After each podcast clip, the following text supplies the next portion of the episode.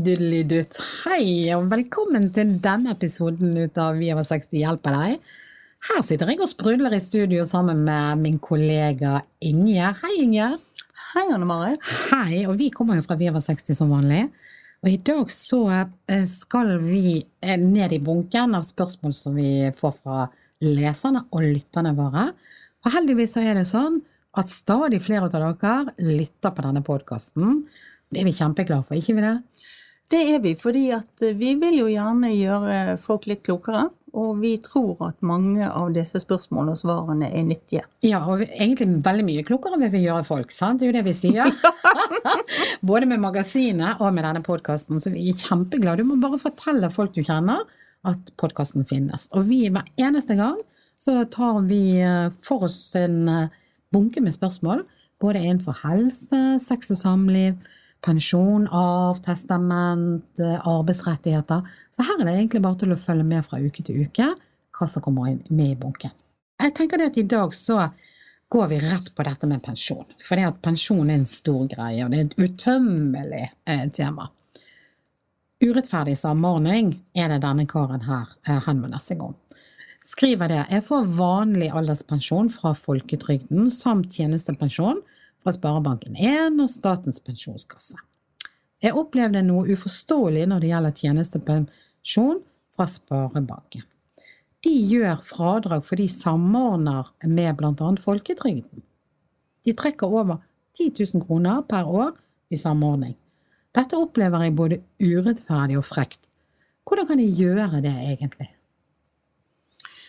Det er mange som syns at dette er litt urettferdig, og sånn med første øyekast så kan det jo virke sånn. Mm. Um, pensjonsrådgiver Harald Engelstad han har jo tatt dette opp i mange artikler i Vi over 60. Og det er litt komplisert, og nettopp fordi at det oppfattes som ja, urettferdig. Du betaler inn til en pensjonskasse, og så, når du skal ha det ut igjen, så blir det plutselig kuttet. Ja, for denne leseren her, sant, som åpenbart har fordypet seg i temaet hos oss, eh, han syns jo det er frekt òg. Ja, det er jo nettopp det. Hvis du sitter med den følelsen at dette er mine penger jeg betaler inn, og så får de ikke tilbake. Det er som å sette inn penger og spare i banken. Men er det ikke våre penger, da? Nei, fordi at uh, du må tenke litt litt større enn det. Eh, det er som med den pensjonen du betaler inn til folketrygden også. Der betaler vi jo inn ulik andel. Eh, I og med at vi har ulik lønn. Eh, og det er jo noen som ikke klarer å være i jobb av helsemessige årsaker, f.eks. Men det skal altså være noe til alle. Så dermed så kan du ikke sånn umiddelbart tenke at du får igjen alt det du betaler inn. I folketrygden så er det jo et tak, f.eks på hvor høy inntekt du tjener opp pensjon på. Um, så, men det som er med, med, noen pensjoner, noen offentlige pensjoner og folketrygden, det er at de for lenge siden har uh, gjort en avtale som gjør at de er sikret 66 av lønnen sin, um, av sluttlønnen sin, i pensjon når de er ferdig i yrkeslivet. Og det er ganske mye. Absolutt. Jeg får ikke så mye. Ikke jeg heller. Nei, ikke du heller. Hvem er det som får det, da? Nei, Det er de som har jobbet i det offentlige. Um, ja, så vi som er i det private, vi, eh, vi, kom, vi får ikke del ut av det. Nei. nei. Altså, det er fordeler og ulemper med alt. Uh, I det offentlige så har du kanskje lavere lønninger, men du har denne eh, gode pensjonen. Ja, ok. Nå blir jo den også berørt av endringer da, uh, som man har kommet frem til. Men det er det som ligger bak. At du får eh, folketrygden, og så får du det som er fra pensjonskassen. Men der blir det altså eh, trukket fra en god del, fordi totalsummen skal ikke være mer enn 66% Så det som denne karen opplever som urettferdig, det er egentlig rettferdig? Det er et rettferdighetsprinsipp det er basert på, da? Det er egentlig basert på et rettferdighetsprinsipp. Det er så det skal være nok til alle. Og eh, Bl.a. Eh, til en god del kvinner som har vært i deltidsstillinger, og som har vært lavtlønte, f.eks. Ja. Ok. Så har vi eh, en som eh, ringte til oss og fortalte det, og det gjelder jo dette evinnerlig, du vet dette med hytte. Det kan jo være til glede og besvær, ikke det er det vi sier? Og, og fortalte det at moren sitter i uskiftet bo. Hun har overført familiehytten til min søsters sønn, uten å fortelle oss andre søsken om det. Herlighet, kan hun bare gjøre det? Her mangler det jo også litt informasjon i spørsmålet hennes. Um, For det første, det at moren sitter i uskiftet bo, det betyr jo det at eh, det er ikke skiftet. Dvs. Si at arven etter hennes mann, farsarven, er ikke gitt til ungene. Det er noen strenge regler når det gjelder uskifte. Du kan ikke gjøre som du vil. Eh, Så hun kan ikke overføre i den forstand at hun kan gi hytten som gave til den nivåen. Det kan hun ikke. Det har hun ikke lov til. Nei, det er ulovlig, rett og slett. Ja. Ja. Eh, Men hvis det er det som har skjedd, eh, så må hun her reagere innen et år etter at den overføringen er skjedd. Ellers er det noe foreldelse eller noe sånt? Det er det nok. Akkurat. Men dersom moren har solgt hytten til markedspris, Til denne Ja. nevøen. så eh, er det ikke noen kan gjøre, for da har jo ikke moren forringet uskifteboet. Kanskje tvert imot. Det spørs jo hvordan eh, hyttemarkedet ser ut. Eh, men her tenker jeg at det gjelder å være våken og i, snakke om det på forhånd hadde kanskje vært litt greit. Ja, for i og med at ikke vi vet alle omstendighetene rundt denne, denne saken, så er det på en måte Utfallet er litt uh, forskjellig, men, men nå har vi i hvert fall dratt litt igjennom at uh, vær obs obs på dette her når det gjelder overføring av hytte i uskiftet bo. Og det er nettopp det at det er uskiftet bo som er greien her. Det er det som er greien, og eh, advokatene med, som er våre eksperter, og som også har svart på dette, de skriver jo artikler om uskifte stadig vekk.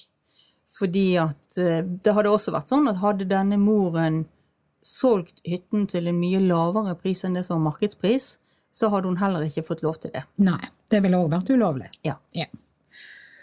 Ok, Um, og så har vi en som, um, da er vi inne på dette med bo, da er det en som vil selge leilighet. Jeg er enearving etter min mor, som nå har langtidsopphold på et sykehjem. Det er jo en kjent problemstilling. Nå er spørsmålet om salg av hennes leilighet aktuelt, men jeg kjenner ikke reglene i forhold til skatt og hva som lønner seg. Jeg kan utsette salget etter hennes død, men det innebærer at jeg må betale ned på et lån hun fremdeles har på leiligheten, siden det meste av hennes penger går til kommunen. Dette er jo veldig aktuelt. Det er det. Og eh, dette er jo et litt sånn blandingsspørsmål, men dette er det eh, Karsten og Five som har svart på. Eh, selv om dette også dreier seg om dette med verge. Eh, fordi at det er jo ikke gitt at du har lov til å selge din mor sin leilighet. Nei. Det er jo det første. For kan du gjøre det hvis ikke hun på en måte gir samtykke til det? Hun lever jo og er på sykehjem. Hun lever og er på sykehjem. Altså hvis hun har eh, samtykkekompetanse, som det heter. Altså hvis hun ikke er dement eller er, er alvorlig syk på annen måte. Eh, så kan jo hun skrive under på eh, papirer. Ja. Så hvis hun er ved sine fulle fem, så kan hun gjøre det. Og hvis ikke hun er der, så må det på en måte være regulert i en fremtidsfullmakt eller noe sånt. Da måtte det vært regulert i en fremtidsfullmakt. Eller, som hun sier, det, det, hvis hun har en verge oppnevnt gjennom Fylkesmannen, så kan jo vergen også ta en sånn beslutning på vegne av moren. Og i og med at hun er enearving, så er nok kanskje sjansen litt høyere enn enn om det hadde vært flere arvinger. Da er Fylkesmannen ofte ganske streng i, i sånne tilfeller. Um, men det Karsten og Five sier, det er at hvis det ikke er mulig å selge leiligheten med en gang, så er det sånn at beregningen av betalingen til kommunen for oppholdet på sykehjemmet, da skal skatt og renteutgifter på lån trekkes fra. Det er en kostnad. Akkurat. Um, før den prisen på oppholdet blir beregnet. Ja, ok. Så det kommer til fratrekk der. Ja. Og så eh, sier han at det går jo også an å høre med banken om det går an å få lånet avdragsfritt til leiligheten eh, skal selges. Ja. To eh, gode råd, minst. Så eh, over til noe helt annet, Inger. For dette med helse er jo det mange som er opptatt ut av. Eh, her skriver altså en kvinne følgende. Forskjell på slag og hjerneblødning. Min svigermor er rammet av et slag. Refleksen i høyre arm og ben er delvis svekket, og hun snakker tull. Det jeg ønsker å vite er, hva er forskjell på slag, hjerneblødning og drypp? Jeg er nysgjerrig på dette da jeg har erfaring med at min far fikk såkalt drypp. Jeg synes jo at symptomene viser seg som de samme. Jeg venter spent på et svar fra dere. Altså, et drypp, det er forbigående. Ehm, det er Roar Pedersen som en røntgenlege som svarer på dette. Ehm, det er altså en kortvarig lammelse eller svimmelhet eller synsforstyrrelse eh, som varer mindre enn et døgn. På fagspråket så kalles det for TIA. Ehm, det kommer av at det er en liten blodpropp som forbigående stenger blodtilførselen til hjernen.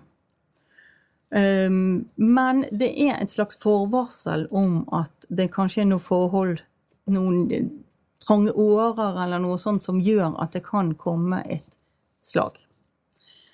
Et hjerneslag det er en større avstending av blodtilførselen eh, som gir en mer langvarig hjerneskade. Eh, kommer vanligvis av en blodpropp, altså en propp som stenger eh, tilførselen, eller at et blodkar i hjernen sprekker. Eh, og da kalles det en hjerneblødning. Så en hjerneblødning det er altså et slag, men det er ofte mer dramatisk og har et alvorligere sykdomsbilde enn et drypp. Så det du uh, sier, det er at et drypp ofte er sånn tidlig varsel om noe større som kan komme? Ja, man skal ikke ta så lett på det. Kjenner du sjøl at du får noen sånne symptomer? Du får vanskeligheter med å løfte en arm, eller du får problemer med å snakke, og, eh, så bør du kontakte lege med en gang. Godt å ta med seg eh, for alle, for dette, jo, dette er jo noe som inntreffer veldig plutselig. Utenfor varsel egentlig. Ja. Det gjør det. Så har vi en mann på 68 som eh, skriver følgende Jeg har i mange år forsøkt forskjellig kosthold og dietter, men har over tid gått opp i vekt. Har nå en BMI på 36,6. Spiser nok for mye, men egentlig ikke så veldig usynt, og er ganske mye bevegelse med lange fotturer osv. Går jo ned i vekt med f.eks. lavkarbo, men det holder jo ikke over tid. Ser nå operasjon eh, eller medisinering som eneste løsning. Har ennå ikke spurt min fastlege om dette, fordi jeg er redd for bare formaninger og moralske pekefingre. Og det er jeg egentlig for gammel til, skriver han. Jeg er ganske frisk, men begynner nå å merke vekten på knærne. Hva skal vi si til dette? Det en, dette her er jo noen som mange opplever, og som sikkert mange vil kjenne seg igjen i. Garantert. Det å ha gjentagende slankekurer, gå ned i vekt og gå opp igjen Uansett om det heter lavkarbo, eller om det heter det ene eller det andre? Ah, det, det, er det å um, holde på det som er vanskelig, og det har vi jo snakket om i en tidligere pod, dette med at kroppen tilstreber en høyere vekt. Har du hatt en høyere vekt, så ønsker kroppen tilbake til den vekten. Så det er sånn evig, evig kamp mot egen kropp, dette her egentlig, når du på en måte har vært et sted, så vil han veldig ofte sant, utligne og tilbake igjen til det. Så. Ja, og så denne kroppen tror at vi fremdeles går ut i skogen og jakter på ville dyr. Og tenker at uh, her må vi ha noen depoter å ja. ta av når det blir det dårlig med mat. Skitting om det går utover knærne når det blir tungt å bære, ja. det fører til. Men hva er det, hva er det um, Han er jo på jakt etter om, dette med om å bruke medisiner, da med slangen effekt. Det er jo litt det som er eh, hans eh, Hva eh, er det Har det noe for seg? Altså her svarer Brynjulf Bargstein som allmennlege at det er egentlig ikke noen medisiner som kan hjelpe her. Dessverre. Det er mange som skulle ønske seg det en pille, så hadde det En litt quick fix ja. som kunne bare gjøre at fettet rant ut av? Ja. Nei, beklager. Altså um, Hulk, hulk. det, var jo eh, Det har jo vært noen på vært, markedet. Ja, ja. og har, på 60-tallet så var det jo noen slankepiller som eh, ble veldig populære. Men det var jo rett og slett amfetaminbasert. Oi. Så det var jo farlig. Eh, Det blir jo stoppet på markedet, men, men det ga jo vekttap. Men det er ikke noe Så sånn eh, quick fix finnes ikke. Så medisin her, det er rett og slett uh, steinvilje. Ja, det er Viljestyrke, er det det det er? Altså, hva er Eller bare lev med den kroppen du har, eller hva er det vi Hva kan vi dra ut av til denne fortvilte mannen på 68? Hva, hva, hva råd er det han vil få her? Altså det, det handler jo om å være veldig bevisst på hva du spiser, selvfølgelig. Som, som legen sier, så er det jo i utgangspunktet et regnestykke. Annet at du skal eh, ta inn mindre enn du bruker. Gjør du det motsatt, så legger du på det. Kaloriregnskapet, rett og slett. Mm. Men så er det dette med som vi var inne på, at har du først hatt en høy vekt, og kroppen vil tilstrebe det, så kan du altså risikere at du må gå på et lavere kalorinivå for resten av ditt liv i forhold til det du egentlig skulle ha hatt. Gitt aktivitetsnivå, alder osv. Det er jo også litt kjipt. Veldig Um, kjipt. og dette, dette med at du går opp igjen etter en ny kur, det er jo veldig vanlig. Veldig kjipt. så, så kjære mann på 68, eh, det er ikke så veldig oppmuntrende det vi kan komme men det er det gamle, de gamle gode rådene egentlig som gjelder. Det er det. Og så er det jo Altså, der finnes jo eh, overvektsoperasjoner. Som hvis du er definert som sykelig overvektig, og spesielt hvis du får eh, tilleggssykdommer, eh, så kan du bli søkt inn på en sånn operasjon.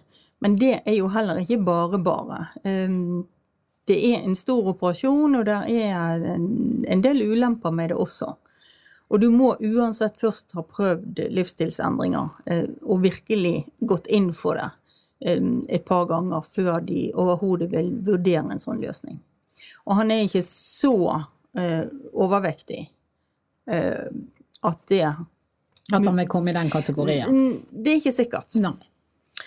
Men da er jo, eh, må vi egentlig bare konkludere med at det er de gamle, gode rådene om inntak og uttak, egentlig som er det hovedlæren her, da, dessverre. Det er ikke liksom, vi er ikke kommet lenger eh, at det er noe quick fix. eh, Det er ned og det er opp. eh, Og, men over tid prøve en livsstilsendring som på en måte i hvert fall tar ned det, det totale kaloriinntaket. Mm. Og det som Bargstein også nevner som er også et godt poeng, det er jo at det er jo en del som tror det å spise sunt, det er, er trikset. Og der er jo også noen som tenker at ja, men jeg blir veganer. Eh, Ja. Men det er fremdeles Proppfull av kalorier. Ja, du kan Så- spise så- masse yes, kaloririk vegansk mat, altså. Og det er jo faktisk tilfellet, det har jo vi snakket veldig mye om når vi eh, i podkasten Friskerepodden i, i eh, fjor, når vi skulle legge om til livsstil og vi skulle følge lav karbo. Det er jo egentlig smekkfullt av kalorier. Det er jo sånn at man må jo være veldig bevisst på en måte mengde og hvilke mattyper og hva slags type regime man skal være for, for ellers så blir jo det bare for mye av det gode på alle, alle mulige måter. Så eh, da tenker jeg at vi er kommet til veis ende eh, på denne onsdagen her, og eh, skal vi oppfordre lytterne våre til å sende inn eh, spørsmål til oss?